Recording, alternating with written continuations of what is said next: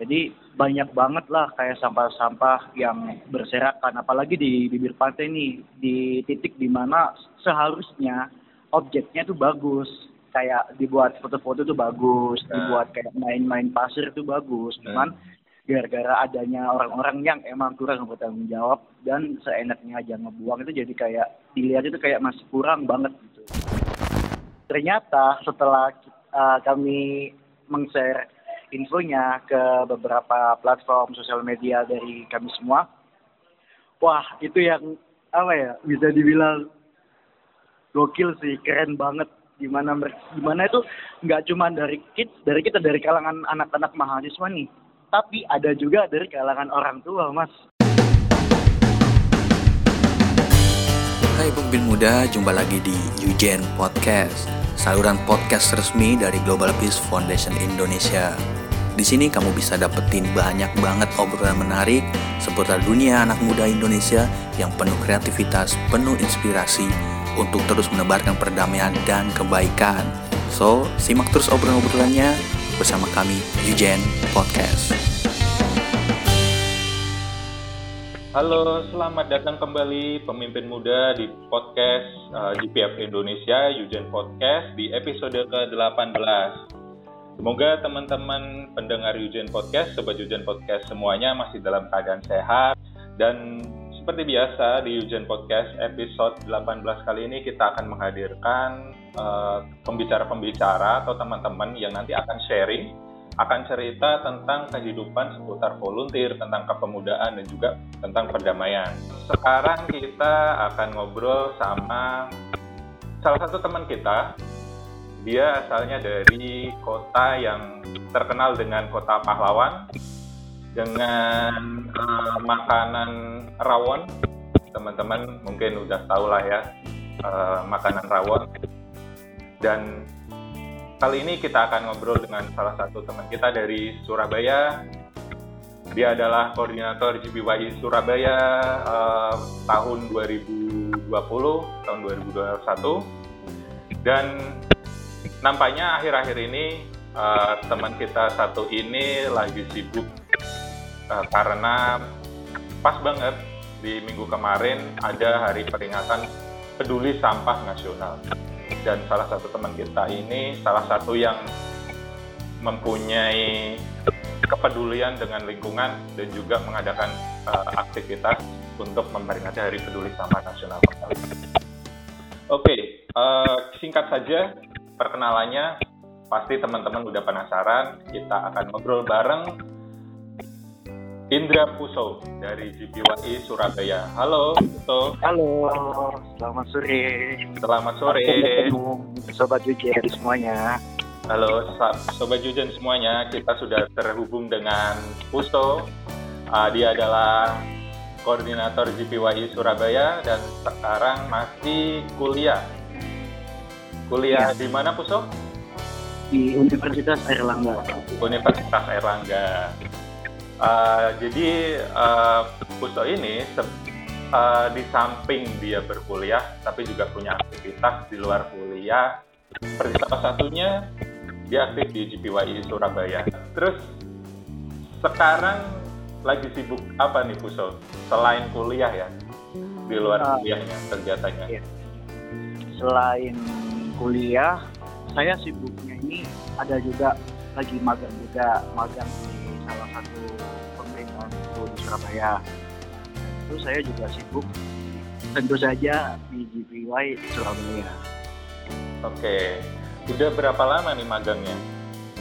Eh, udah tiga bulan mungkin dari bulan November. Oh, bulan November.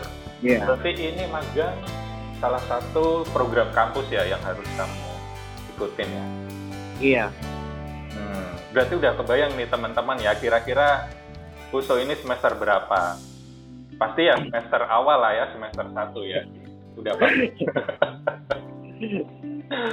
Eh, ya kita doakan saja eh, program magangnya Puso ini bisa lancar. Kemarin kita memperingati Hari Peduli Sampah Nasional untuk salah satunya supaya kita tuh lebih aware lagi terhadap sampah-sampah yang setiap harinya kita produksi uh, baik dari makan ataupun dari pekerjaan kita. Nah, kita akan ngobrol uh, lebih lanjut tentang Hari Peduli Sampah Nasional dengan salah satu uh, yang bisa dibilang aktivis peduli sampah di Surabaya sih. Uh, kita tarik mundur dulu nih Pusol uh, tentang Hari Peduli Sampah Nasional ini. Kapan sih uh, Puso ini punya apa namanya istilahnya ketertarikan gitu tentang isu lingkungan? Kapan tepat tepatnya? Uh, tepatnya itu waktu saya masih ada di bangku sekolah di SMA. Nah, okay. dulu itu dulu itu ada salah satu program dari Pemkot Surabaya yang mendugaskan atau mengumpulkan siswa-siswa di kota Surabaya untuk berbondong-bondong membersihkan pantai Kenjeran saat itu. Di saat waktu saya masih kelas 10, jadi kira-kira tahun 2013, 12, 13-an.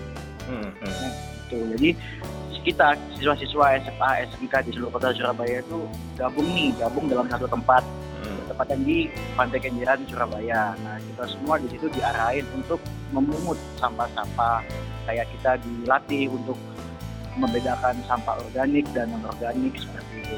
Dari situ awal mula di mana saya kayak oh uh, program seperti ini sebenarnya tuh bagus, cuman kan emang masih banyaknya apa ya masih kurang kesadaran aja sih dari hmm.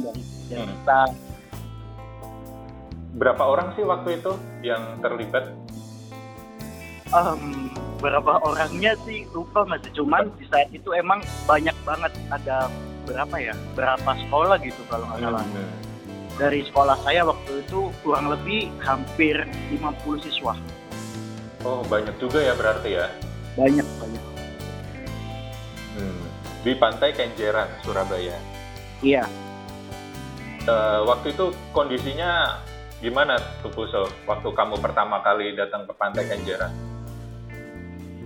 Kondisinya ya apa ya seperti kita tahu di beberapa tempat wisata di hmm. Indonesia khususnya di pantai-pantai seperti itu kan. Nah jadi banyak banget lah kayak sampah-sampah yang berserakan apalagi di bibir pantai nih di titik di mana seharusnya objeknya tuh bagus kayak dibuat foto-foto tuh bagus, nah. dibuat kayak main-main pasir tuh bagus, nah. cuman gara-gara adanya orang-orang yang emang kurang bertanggung jawab dan seenaknya aja ngebuang itu jadi kayak dilihat itu kayak masih kurang banget. Itu banyak banget sampah-sampah. Sampah plastik dan lain-lain bekas minum bekas makan gitu dibuang semua di iya. Terus waktu itu menurut kamu kesadaran dari uh, masyarakat sekitarkah yang kurang? Atau malah justru wisatawan sendiri yang membuang sampah di situ? Bisa ke dua-duanya sih mas. Jadi yang pertama itu dari ya emang yang namanya tempat wisata kan pasti banyak banget dikunjungi oleh orang, apalagi bukan orang dari tempat itu. Jadi hmm.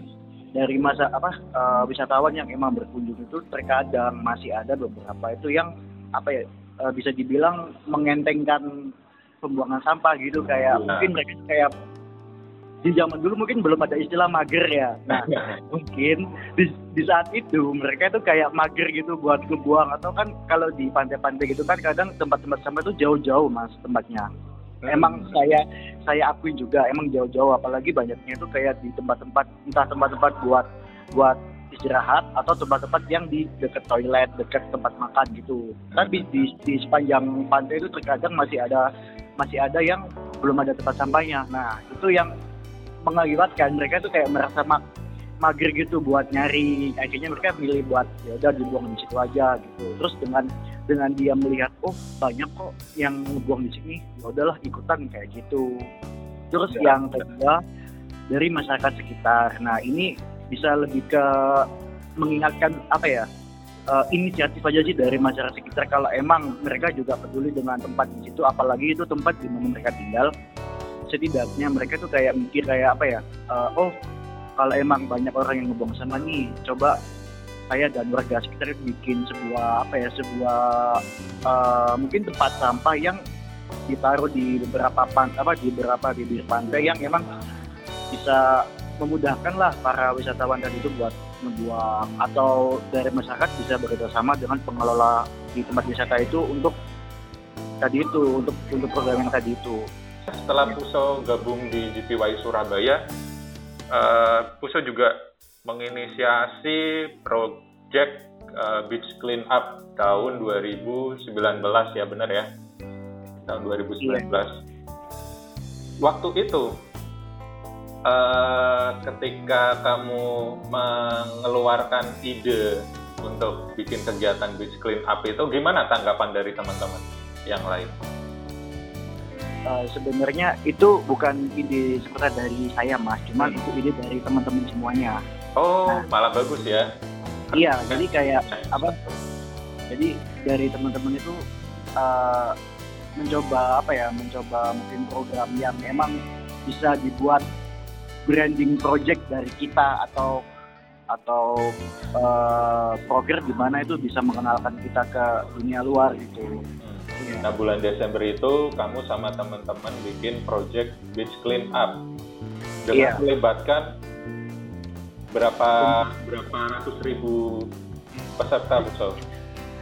Nah ini yang bikin apa ya, yang bisa dibilang bikin saya terharu itu uh -uh. kita kan kayak mikirnya oh mungkin targetnya banyak uh, orang-orang itu segini uh, berapa puluh orang karena kan di sini kan juga apa ya juga bisa dibilang uh, poker yang mengharuskan kita buat gerak-gerak apalagi di panas-panasan gitu loh mas iya. dengan kan nah dengan aku aja yang melihat fotonya itu kayaknya ya gitu makanya matahari gitu kan nah makanya kami dulu itu kayak masih nggak mau berekspek lebih dengan jumlah yang banyak. Nah, ternyata setelah uh, kami meng-share infonya ke beberapa platform sosial media dari kami semua, wah itu yang apa ya bisa dibilang gokil sih, keren banget. Gimana gimana itu nggak cuma dari kids, dari kita dari kalangan anak-anak mahasiswa nih, tapi ada juga dari kalangan orang tua, mas. Orang tua? Ada dari iya bahkan ada yang ada menikah berarti ya ada. Bahkan ada yang juga ada yang juga ngajak orang tuanya yang ikut. Jadi anaknya ikut nih terus dia ngajak orang tuanya gitu. Ada juga kayak gitu. Ada itu. Ada juga. Jadi nggak cuman apa ya bisa bilang ini dari apa uh, semua kalangan. Dari kita mahasiswa hmm. ada juga dari dari anak-anak pelajar dan ada juga dari masyarakat sekitar dan juga ada dari kalangan orang-orang tua tadi itu banyak banget sih. Lebih dari ekspektasi kayak wah kayak seneng aja gitu. Ternyata banyak yang antusias. Wah keren ini. Perekrutannya udah lebih kayak perekrutan MLM ini bahkan kalah ini MLM sampai bisa ngajak orang tua sama keluarganya ya. Padahal dulu gimana sih cara woro-woronya gitu sehingga banyak yang datang gitu. Uh, jadi kalau kalau di sesuai yang seperti biasa itu di IG kami hmm. GBWI Surabaya. Terus kami juga menginisiasi untuk uh, membagikan info tadi ke grup-grup WA terus ke stories Instagram terus Twitter juga Facebook juga. Jadi semuanya itu merata gitu mas Kena. Jadi nggak cuma dari kalangan anak-anak muda yang sering pakai Instagram itu enggak tapi kita juga share ke Facebook yang Facebook. yang apa yang Lagi jadi tempat di mana orang-orang tua tadi ada gitu.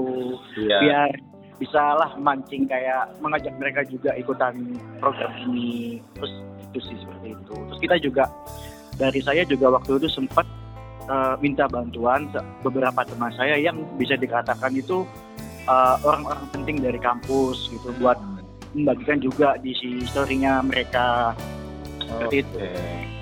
Ini bisa jadi terobosan yang bagus nih buat teman-teman yang punya proyek sosial. Jangan hanya sebatas kalian infoin ke teman-teman deket aja yang punya Instagram, yang sering main Instagram, tapi coba ke Facebook dan ke WhatsApp ya, kayak yang lakuin ini. Siapa tahu project kegiatan teman-teman nanti ada yang ikut dari kalangan orang tua kan, siapa tahu kan, karena udah terbukti nih. Ternyata isu lingkungan, isu sampah ini nggak hanya diminati oleh anak-anak muda, tapi orang tua juga punya keresahan yang sama gitu ya, Puso ya. Iya, benar sekali. Kenapa milih di pantai uh, Kenjeran ya itu ya? Uh, karena dari itu sih mas, dari tempat di mana kita lihat itu titik yang sampahnya itu bisa dikatakan lumayan banyak. Itu bukan lumayan lagi tuh udah kayak Mungkin banyak banget ya kayaknya ya. Kan itu kan juga kayaknya itu udah dokumentasi iya udah berlapis-lapis gitu ya sampahnya ya. Banyak banget.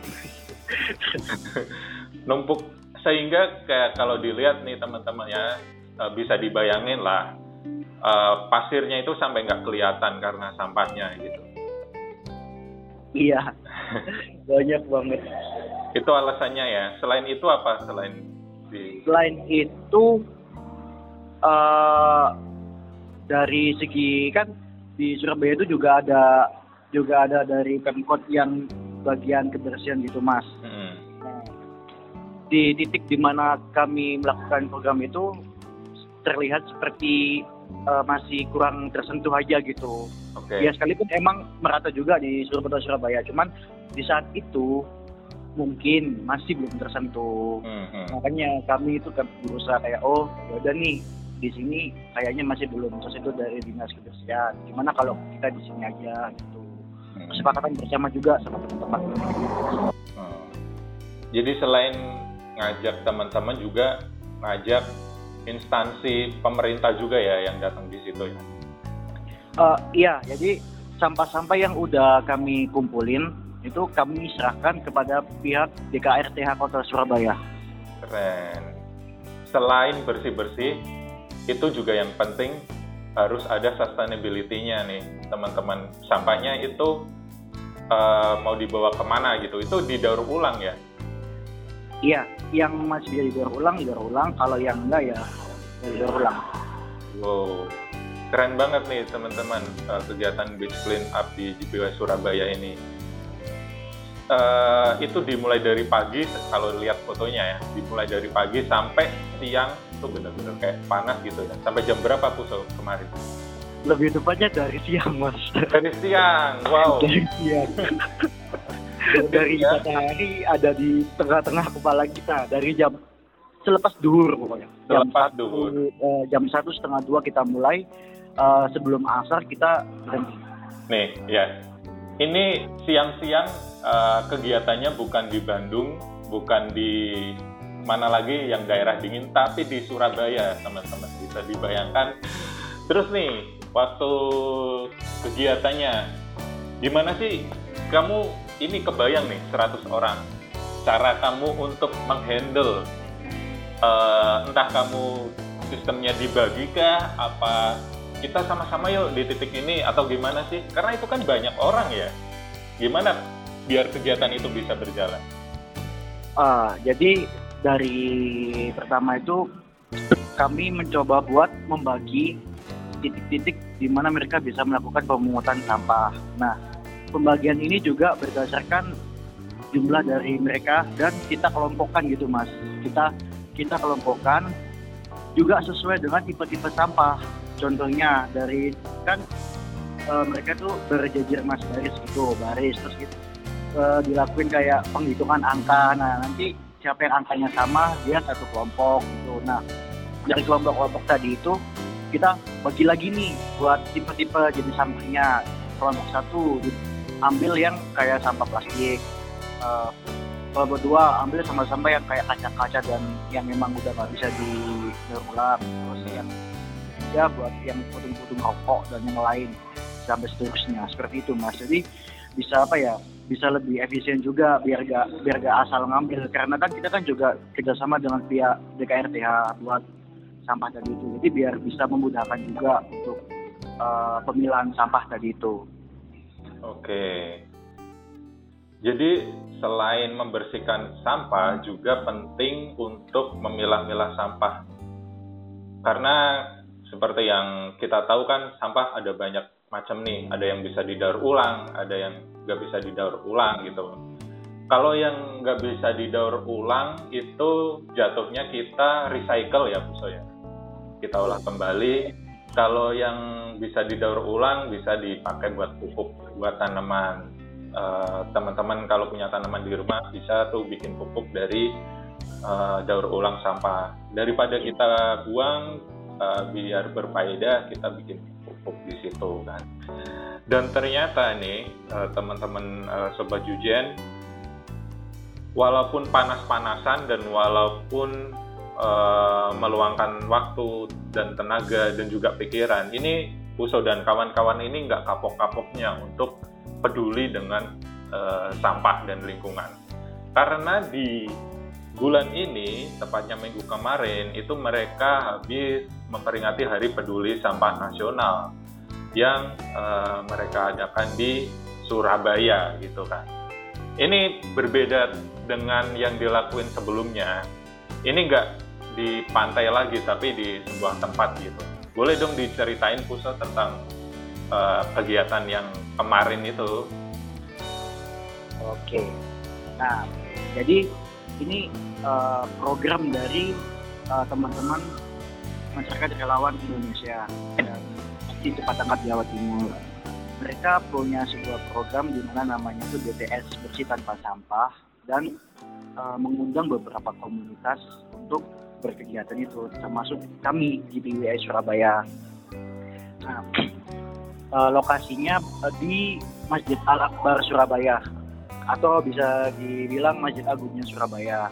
Nah, di saat itu kami dibagi di beberapa titik di masjid itu kan di targetnya ini kan di selokan selokan di pinggir-pinggir masjidnya di utara, barat, timur dan selatan. Nah kami dibagi di uh, dibagi beberapa tim untuk ke beberapa titik tadi. Nah terus dari kami juga sudah menyiapkan nih beberapa uh, alat atau beberapa uh, benda buat memungut sampah juga itu. Hmm. Nah terus di saat itu nah ini mungkin bisa jadi salah satu contoh juga mungkin sobat sobat Jujin di mana pun berada juga pasti bakal sering dijumpai yang paling banyak sampah yang kami temukan saat kemarin itu adalah putung rokok. Putung rokok itu banyak banget di mana-mana. Sorry sorry, ya. aku potong sebentar. Ini puntung ya. rokok itu uh, abunya atau batang rokoknya? Batangnya, batangnya. Oke. Okay. Sayangnya itu. Ya, Banyak itu. ya? Banyak banget. Nah, uh, kalau emang sampah-sampah yang seperti plastik dan botol-botol minuman lain-lain di pelatarannya mungkin bersih karena kan emang juga ada bagian kebersihan di masjid tersebut. Nah, tapi puntung rokok ini tuh berserakan di mana-mana itu kan juga apa ya di pelataran Masjid Al Akbar itu kan juga dijadikan tempat semacam uh, uh, kumpulan makanan-makanan gitu mas makanan-makanan kayak kreco dan lain-lain gitu oh, yang bisa dikatakan seperti sejenis CFD gitulah mas jadi banyak banget orang-orang yang berjualan makanan di situ PKL PKL di situ banyak ya, ya. dari pagi sampai malam nah oh.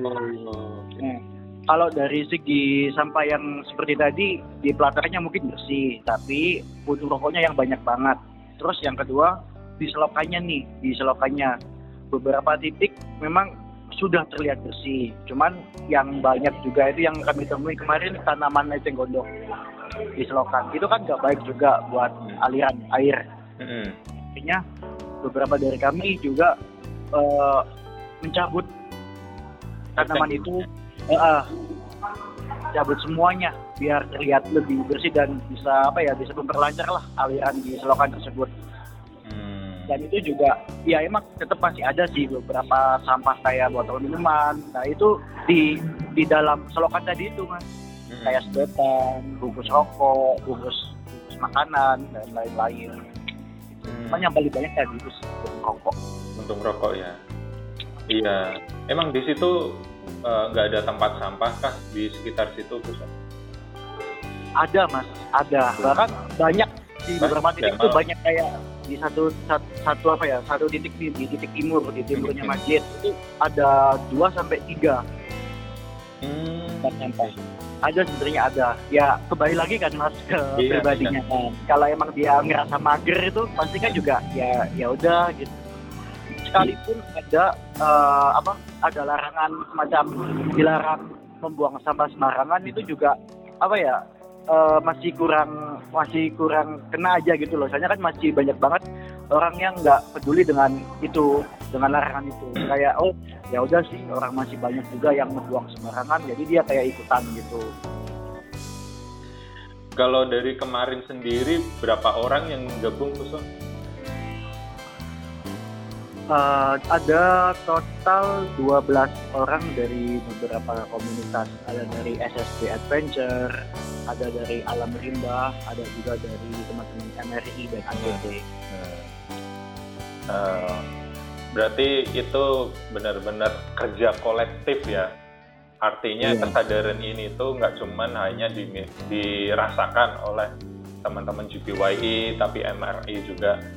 Eh, mereka punya empati, punya kepedulian terhadap isu lingkungan ini. Dan kemarin itu juga bertepatan dengan Hari Peduli Sampah Nasional. gitu. Kalau teman-teman tahu, Hari Peduli Sampah Nasional itu diperingati untuk mengingat eh, tragedi longsor sampah yang eh, melanda TPA Lewi Gajah, yang mana ada sampah setinggi 60 meter itu eh, karena hujan deras itu dia longsor dan menimpa eh, warga dan juga rumah-rumah yang ada di sekitar situ. Dan eh, ini kita bisa bayangkan sampah setinggi 60 meter itu segimana tingginya, segimana banyaknya, sehingga selain membuang sampah membuang sampah pada tempatnya, kita juga perlu peduli dengan setelah kita setelah kita, kita makan sampah ini akan ke mana sih gitu kan. Itu juga yang jadi concern kemarin ya Puso ya. Setelah Iya. mengut sampah itu sampahnya dibawa ke mana nih Puso?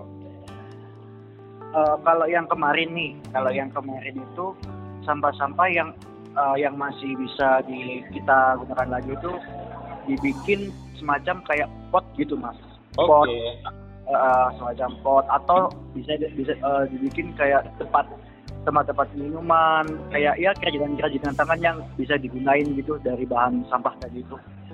Hmm. Artinya bisa berguna lagi ya ternyata ya, walaupun uh, udah jadi sam, udah tidak terpakai lagi, tapi ini juga salah satu yang perlu kita peduli bahwa selain uh, sampah itu sendiri harus kita buang pada tempatnya, tapi kalau bisa ini, kalau misalkan teman-teman punya kenalan atau punya tahu organisasi yang bisa mengolah sampah, silahkanlah disalurkan ke situ. Kalau kemarin Puso kerja sama-sama siapa nih untuk menyalurkan sampahnya? Eh, kalau yang menyalurkan sampah kemarin sudah sudah dihandle Hmm. sama teman-teman dari MRI. MRI. Iya, buat dijadiin eh, kerajinan tangan tadi itu. Kalau dari Puso sendiri, apa nih harapannya di Hari Peduli Sampah Nasional ini? Harapan saya sih tadi, eh, ayolah kita semua kayak lebih sadar aja gitu, lebih peka dengan sekitar. Jangan hanya kita punya eh, latar belakang, oh mahasiswa nih, oh jadi mahasiswa harus harus ini ini. Enggak, jangan. Tapi kita kita bisa melakukan hal itu dengan lat- latar belakang apa pun, di mana pun tempat dan dengan siapa pun. Hmm. Terus kalau emang ada orang-orang di sekitar kita yang kita rasa dia itu kesadarannya masih kurang, tolong diingatkan. Gak apa-apa diingatkan dengan sopan, dengan baik itu gak apa-apa. Pasti orang itu juga bakal tahu kok. Gitu. Nah, terus kayak jangan jangan cuman ngelakuin hal ini di hari-hari seperti ini kayak di hari sampah nasional. Jangan tapi lakuin ini tiap hari kalian. Tiap kali kalian melakukan aktivitas tiap kali kalian melakukan kegiatan mari kita lakukan bareng-bareng seperti itu. Mantap. Artinya dimulai dari diri sendiri dan juga mengajak eh, orang lain pada akhirnya. iya. Dan ngomong-ngomong nih, eh, kan kemarin udah nih Hari Peduli Sampah Nasional. Pasti kan ada next-nya nih nantinya. Ada nggak sedikit bocoran gitu? Ada akan ada project apa ke depannya untuk peduli terhadap lingkungan? Uh, sudah ada gambaran sih dari beberapa yang udah kami lakuin kemarin ke depannya mungkin bakal ada proyek-proyek di mana kita juga akan mengajak uh, masyarakat di luar sana hmm. bisa bisa dengan kita melakukan sebuah apa sebuah kunjungan ke tempat-tempat di mana tempat tersebut uh, melakukan pengelolaan sampah nah kita ajak teman-teman semuanya itu biar biar bisa lebih tahu gitu loh. Ini loh sampah itu masih bisa digunakan lagi. Ini loh sampah itu masih masih bisa berfungsi lagi. Jangan hanya kita cuma asal buang asal apa gitu. Hmm. seperti itu sih kayak bisa apa ya biar lebih peka aja gitu loh. Kayak oh iya ya sampah ini masih bisa ya udah dibuang di tempat yang seharusnya gitu. Betul. Oke. Okay. pastinya bakal ada project selanjutnya untuk uh, mengajak teman-teman semuanya lebih peduli terhadap lingkungan. Dan kalau misalkan nih Puso ada sobat Yujen yang pengen gabung di proyek selanjutnya, itu bisa uh, menghubungi ke mana kah? Uh, bisa follow Instagram bahkan ke mana kah? Bisa dikasih tahu ke teman-teman Yujen Podcast. Nah, untuk teman-teman Yujen Podcast yang berada di kota Surabaya dan sekitarnya, nggak hanya di Surabaya aja, karena dari beberapa kegiatan kami kemarin juga ada kok yang dari luar kota Surabaya, dari Gresik, bahkan dari Madura pun ada, dari sidoarjo ada, mereka jauh-jauh datang, cuman uh, ikutan kegiatan kita gitu loh. Nah, kalau emang kalian merasa uh, ingin join atau semangat buat ikut ikutan berkegiatan dengan kami, kalian bisa follow aja langsung IG-nya GPWI Surabaya. Terus kalian bisa juga langsung chat di nomor yang sudah tertera di bio kami. Di situ sudah ada nomor yang bisa kalian hubungi untuk kalian mungkin bisa tanya-tanya atau kalau emang kalian masih merasa malu, kalian bisa DM aja nggak apa-apa. Tapi kalau emang kalian ngerasa oh udah kayak mantep gitu nih ikut, kalian bisa langsung chat di nomor yang udah tertera itu sih. Seperti itu. Tuh guys, segampang itu ya, tinggal follow terus chat uh, adminnya atau hubungi nomornya kalian bisa gabung bersama teman-teman GPY Surabaya dan juga Puso untuk kegiatan proyek-proyek lingkungan ke depannya. Pastinya selain kegiatan-kegiatan yang bersifat uh, temanya peduli dengan lingkungan, teman-teman GPY Surabaya juga punya banyak sekali proyek yang ke depannya bisa teman-teman ikuti nih. Nah, tinggal follow aja akun GPY Surabaya, nanti uh, bisa kontak-kontakan sama adminnya biar uh, bisa terlibat untuk kegiatan-kegiatan ke depannya. Pastinya obrolan kita masih panjang, cuman karena uh, kita udah lebih dari udah mau satu jam ini kita ngobrol, jadi kita simpan dulu bahan obrolannya untuk uh, ngobrol di kesempatan-kesempatan selanjutnya ya Puso ya. Thank you ya Puso, terima ya, kasih. Ya, udah gabung di uh, Podcast pada episode 18 kali ini. Semoga proyek-proyek dan uh, rencana-rencana dari teman-teman GPY Surabaya dan teman-teman di Surabaya, komunitas-komunitas Surabaya bisa terlaksana terutama kaitannya dengan lingkungan ini dan teman-teman juga bisa join ya. Uh, jangan malu, jangan sungkan untuk join bareng GPY Surabaya dan juga pastinya akan ada kegiatan-kegiatan yang seru lainnya. Oke, terima kasih Sobat Jujen uh, sudah mendengarkan podcast pada uh, episode kali ini. Jangan lupa follow akun GPF Indonesia, GPY Surabaya, dan juga subscribe YouTube uh, eh, GPF Indonesia, follow Twitter GPF Indonesia, dan uh, Facebook GPF Indonesia. Uh, kalau kalau ada yang mau follow Puso boleh boleh nggak nih di follow Puso akun Instagram Instagramnya? Oh, boleh banget. Uh, jadi IG Kasih saya dong. mungkin bukan nama ya. Yeah. uh, semesta underscore-nya dua kali bercanda. Nah, Tuh. boleh di follow ya. Kali aja teman-teman punya keresahan, uh, silakan deh curhat sama Puso. Dan tiba juga di penghujung episode kali ini Uh, saya terima kasih buat Puso sudah bergabung dan mohon maaf kalau ada kesalahan, kekurangan dalam perkataan selama podcast ini. Dan tetap dengarkan episode-episode Yujen Podcast selanjutnya dan kami pamit undur diri. Saya Isman Habibillah selaku host dan juga saya Indra Buso ya kami pamit dari GPWL Surabaya. ya kami pamit undur diri. Sampai jumpa. Ada Dadah. Terima kasih sudah mendengarkan Yujen Podcast. Semoga obrolan tadi menginspirasi kita semua untuk terus berbuat baik, untuk terus menebarkan perdamaian di bumi yang kita cintai ini. Dan jangan lupa para pemimpin muda, subscribe dan follow akun sosial media Global Peace Foundation Indonesia, baik di YouTube, Instagram, Facebook, maupun Twitter. Sampai ketemu di obrolan dan episode berikutnya bersama kami, Yujen Podcast.